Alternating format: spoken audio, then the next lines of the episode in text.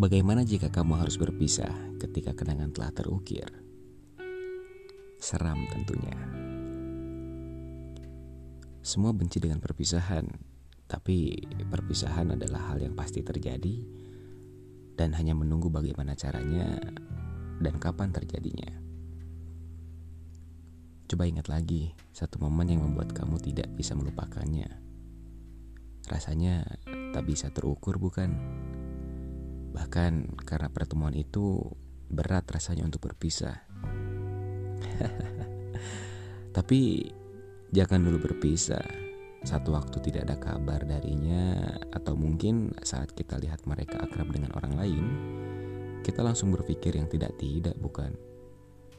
Bisa jadi itu suatu bentuk kekhawatiran atau bentuk kecemburuan. Pernah aku mendengar satu istilah However you hold, people come and go. Apa maksud semesta mempertemukan jika akhirnya dipisahkan, bukan?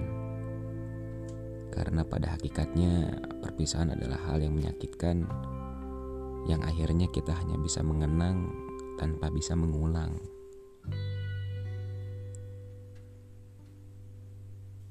Di antara mereka ada yang dipisahkan oleh waktu karena menghadap Tuhan, ada juga yang dipisahkan oleh keadaan.